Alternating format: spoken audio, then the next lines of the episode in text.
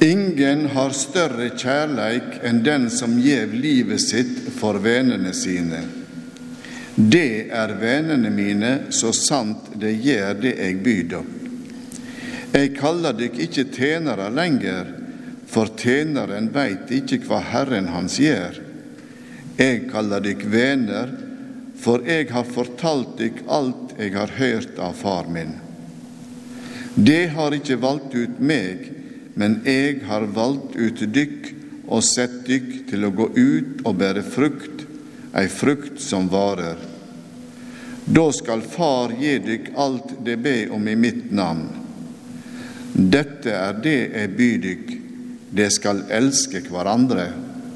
Slik lyder Herrens ord. Ja, det har nå skjedd noe på um, de siste 30-40 åra. For jeg husker når jeg begynte som prest i Sortland i Vesterålen. Da var jeg 7-28 år. Og Da hadde vi 50-årskonfirmanter på besøk i kirka. Og De var utrolig gamle. De var helt sånn Ja, eldgamle var de egentlig.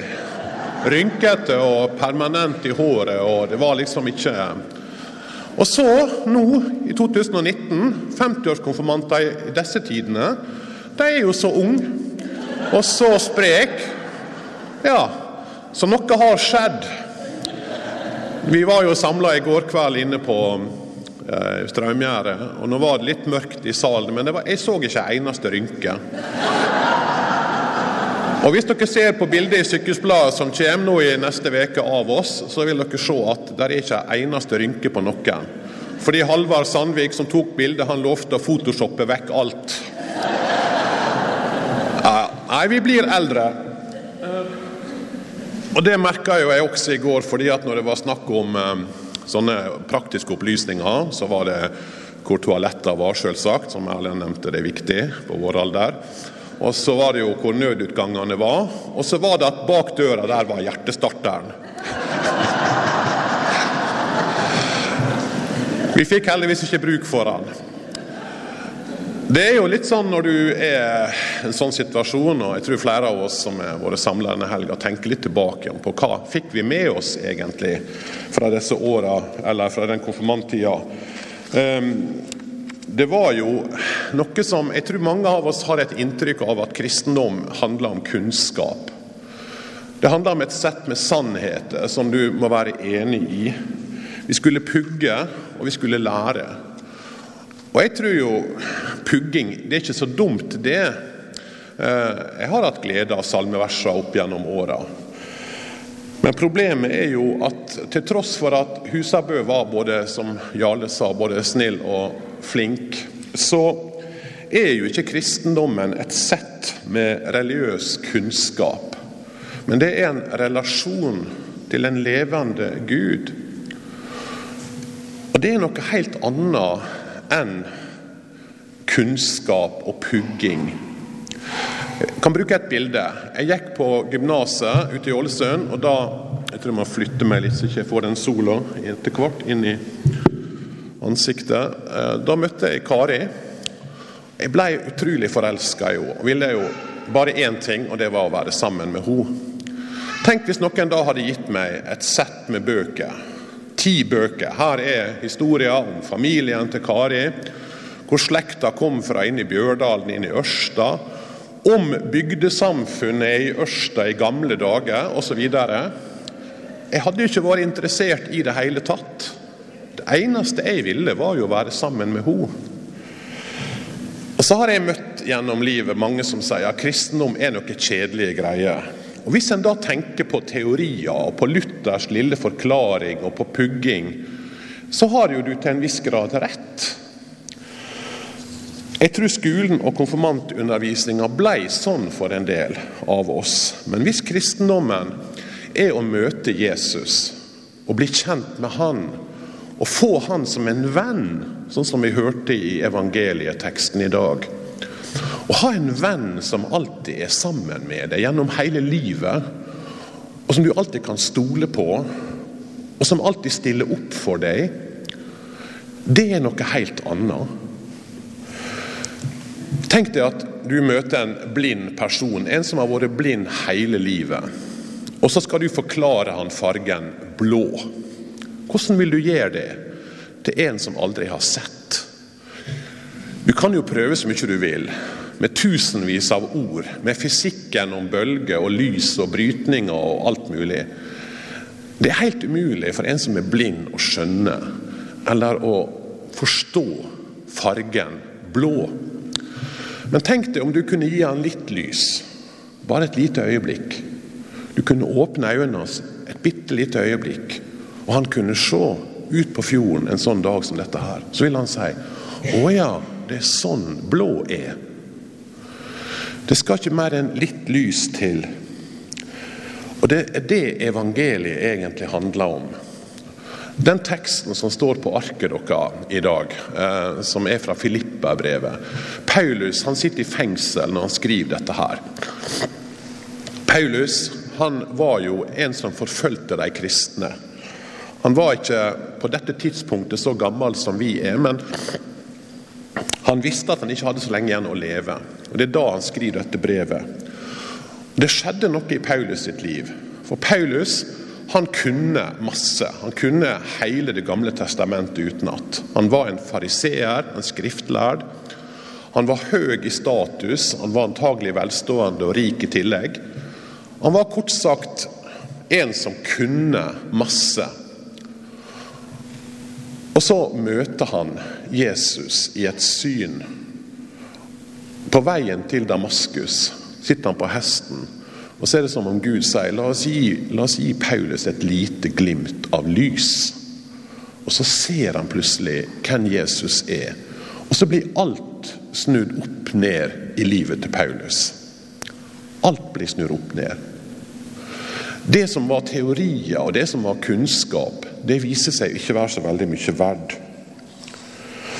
Og så skriver han da, og det står på arket her Men alt dette jeg så som vinning, det regner jeg nå for Kristi skyld som tap.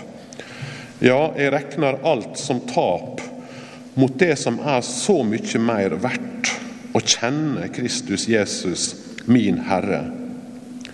For Hans skyld har jeg tapt alt, og jeg regner det som skrap så jeg kan vinne Kristus og bli funnet i Han. Ikke med min egen rettferd, den som lova gjør, men med den rettferda vi får ved trua på Kristus. Paulus fikk et lite glimt av lys, og alt blir snudd opp ned. Det som før betydde noe, det betyr egentlig ingenting. Og det ordet han bruker, skrap, det kunne like gjerne vært oversatt med søppel. Fordi Jesus er så mye mer verd. Og Det var det jeg hadde lyst til å si i dag. Når vi tenker tilbake igjen på konfirmasjonstida vår, og tenker tilbake igjen kanskje på skolen og på alt som vi måtte lære og pugge, og liksom tenke at kristendommen er noe kjedelige greier, så tenker jeg det er ikke det. Fordi det er å møte Jesus og forstå at han er en som vil være min venn, ja, det snur egentlig opp ned på alt. Og Så skriver han altså liksom dette brevet, da, når han nærmer seg slutten av livet sitt. Når alt kommer til alt, sier han, hva betyr noe? Når jeg skal liksom gjøre opp status over livet mitt, hva er viktig? Der er en forfatter som jeg har eh, lest en god del av, som heter Philip Jensi. Han er journalist og har skrevet mange bøker. Han forteller i en av bøkene sine om hvordan han var ute og kjørte bil i Colorado, der han bor. Han bor i Colorado Springs. Og Så var det glatt på veien, og det var svingete. og I en sving så klarte ikke han å, å holde seg på veien. Så han for utfor veien, og der er det jo kjempebratt. Så bilen gikk rundt fem ganger og landa på taket. Han overlevde, men han ble spent fast til ei båre. Teipa fast hele kroppen så han ikke kunne bevege seg. Fordi ryggvirvelen var splintra opp rett ved en plass ved hovedpulsåra, slik at den minste bevegelse kunne føre til at hovedpulsåra sprakk, og han ville dø. Så fikk han en mobiltelefon i handa så han kunne ringe og snakke med de han var mest glad i.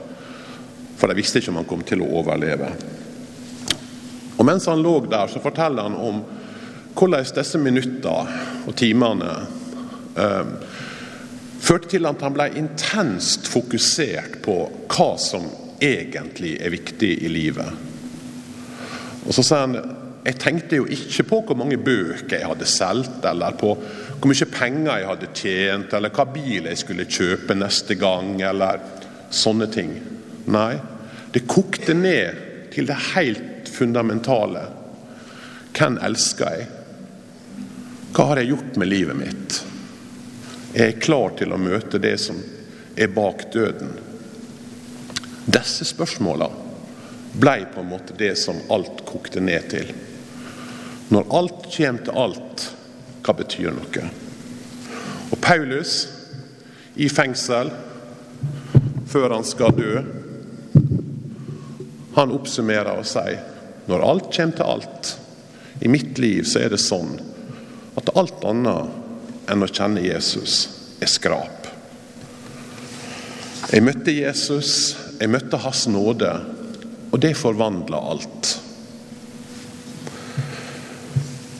Da dere ble døpt, og vi ble døpt, og når vi hadde dåp i dag, så ble vi teikna med korsets teiken. At vi skulle tilhøre denne korsfesta og oppstandende Jesus Kristus. Og når Husabø ba for oss for 50 år siden, så ba han jo om at vi måtte bli bevart i denne trua. Men så kommer livet med alle ting. Med motgang og problem, selvsagt, men også med masse velstand og penger og masse som flytter fokuset vekk fra Gud. Sløvhet og likegyldighet som gjør at vi kanskje glemmer Gud. Glemmer hva som, når alt kommer til alt, er viktig. Bernt Støylen Jeg vet ikke om han er i slekt med deg, Torbjørn? Er han det? Jeg er ikke sikker. Men i alle fall, han var jo biskop i Agder i mellomkrigsåret. Han var fra Sande her ute på Sunnmøre. og Han ble da biskop. Men før han ble biskop, så var han sjømannsprest i London. Og Så forteller han om at han var på besøk ute på en båt som lå ankra ut ute på Themsen. Og Når han kommer om bord, så treffer han pumpemannen. Dere hører at dette her var i gamle dager. Og Så sier denne pumpemannen har du, har du hilst på messegutten? Så Litt seinere går han og prater med skipperen, og litt ute i samtalen så spør skipperen har du hilst på messegutten. Og så Litt seinere når han går og snakker med kiefen, så, så sier kiefen har du snakka med messegutten. Og Så brester det ut av Bernt Støylen hva er det med denne messegutten? Og Så sier kiefen med misunning i stemma messegutten han ber til Gud, han. Så var han den laveste på rangstigen, leders på lønningslista, men han hadde noe som de misunte. Han hadde si barnetru. Hva betyr noe når alt kommer til alt? Jeg tror Til eldre vi blir, så stiller vi oss kanskje det spørsmålet litt oftere, og det er kanskje bra. Det er en tysk prest som heter Dietrich Bonhoeffer, som sier, sier det slik Satan fyller ikke oss med hat til Gud, men han fyller oss med glemsel for Gud. Og Det tenker jeg det er det som er faren i mitt liv. Ikke at jeg skal begynne å hate Gud, men at jeg skal glemme Han oppi alt. Derfor trenger vi å stoppe opp av og til og spørre oss sjøl, når alt kommer til alt, hva er viktig? Og Det er det Paulus også skriver. På slutten av dette avsnittet så skriver han jeg glemmer det som ligger bak, og så strekker jeg meg mot det som er frammanfor, og jager fram mot målet, mot den sigersprisen som Gud fra det høye har kalla oss til i Kristus Jesus. Paulus, som har rik, berømt, hadde status, var egentlig helt på topp i sitt samfunn. Han sier alt dette ble som skrap mot én ting, å kjenne Jesus Kristus. Og det er verdt å streve for, sier han. Det er verdt alt å nå det målet som Gud har satt for oss. Jeg leste om Fjodor Dostojevskij, denne berømte russiske forfatteren. Jeg visste egentlig ikke mye om livet hans, jeg hadde jo lest bøker av han, men livet hans var egentlig helt utrolig. Han levde et liv med masse problem. Han ødela både helse og økonomi på diverse seksuelle forhold, på alkohol på veddemål. Og Ofte måtte han jobbe med bøkene sine dag og natt for å betale spillegjeld. Han var spilleavhengig, hadde vi sagt i dag. Han var sosialt mistilpassa og klarte aldri å ha kontroll på penger. Kort sagt, han gjorde veldig mange feil i livet. Men som kunstner er han jo en av de største. Og han formidler jo i sine bøker nåde på en sånn måte som få andre er i stand til. Tidlig i livet hans ble han arrestert fordi tsar Nikolai trodde han var med i opprør mot han. Han ble fengsla, og på spøk det er ganske utrolig, på spøk ble han og 31 andre stilt opp i 30 kuldegrader og fikk beskjed om at nå skulle de skytes. Og Der sto de da i 30 kuldegrader og venta på det dødbringende skuddet. Og så var det bare en spøk. Etter en halv time så tok de dem inn igjen. Men i løpet av den tida så var det to andre som ble gal av denne opplevelsen. I stedet for å bli skutt, så ble de da kjørt i slede til Sibir. En 18 dagers reise i åpne sleder midt på vinteren. På det siste stoppet før fangeleiren så fikk tre damer lov å besøke disse fangene. Og En av dem ga han et Nytestamente, den eneste boka som var lov å ta med seg inn i fangeleiren. Og Så kviskra hun til han at han måtte lese godt i dette. her. Og når han bladde opp, så fant han en tirubel-seddel innimellom arka i Nytestamentet. Og han tenkte Gud har gitt meg en sjanse til å leve. Han kasta seg over Nytestamentet, leste det fra perm til perm mange ganger. Han lærte seg egentlig innholdet nesten utenat. Og Hele hans diktning er gjennomsyra av budskapet i denne boka. Og etter han ble satt fri Han var i fangeleiren i, i fire år, og så var han seks år i eksil. Men etter han ble satt fri, så hadde han alltid dette Nytestamentet med seg. Og etter disse ti åra sto han fram med en urokkelig tru på Jesus. Han skrev et brev til denne kvinna som hadde gitt han Nytestamentet. Det jeg tror på, skriver han, er veldig enkelt. Her er det. Jeg tror at det ikke fins noe vakrere, noe dypere, mer sympatisk, fornuftig, mandig og mer fullkomment enn Jesus. Og Det fokuset beholdt han gjennom hele livet, resten av livet. Selv om han gjentatte ganger lei nederlag på nederlag på områder i livet som han sleit med, så klynga han seg til Jesus og til hans nåde. Når alt kommer til alt, hva betyr noe? Dostojevskij ville ha sagt det eneste som betyr noe, det er Jesu hand, og holde fast i den. Paulus ville ha sagt det eneste som betyr noe, det er å kjenne Jesus Kristus. Ikke hva vi kan, ikke hva vi husker, ikke hva vi har pugga. Heller ikke hvordan vi har levd og svikta og feila og gjort dumme ting. Men å møte Guds nåde. Og De gode nyhetene er jo at Jesus inviterer alle til å komme til seg. Kom til meg, sa han, dere som har tungt å bære, jeg vil gi dere hvile. Jeg snakka med ei dame som hadde vært kristen i sin ungdom, og som ikke hadde vært, ville ha bekjent seg som kristen. Hun var i 50-åra. Så gikk hun til nattvær på denne gudstjenesten jeg var på. Og Så spurte jeg jo litt det dumme spørsmålet etterpå. Hvordan føltes det? Og Så svarte hun det føltes som å komme hjem. Og Det er det Jesus inviterer deg og meg til. Komme hjem.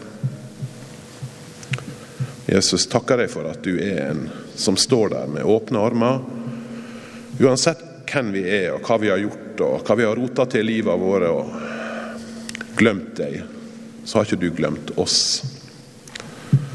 Og Jeg ber om at vi skal få lov å komme til deg på nytt, fordi du er en Gud som tar imot oss med åpne armer. Amen.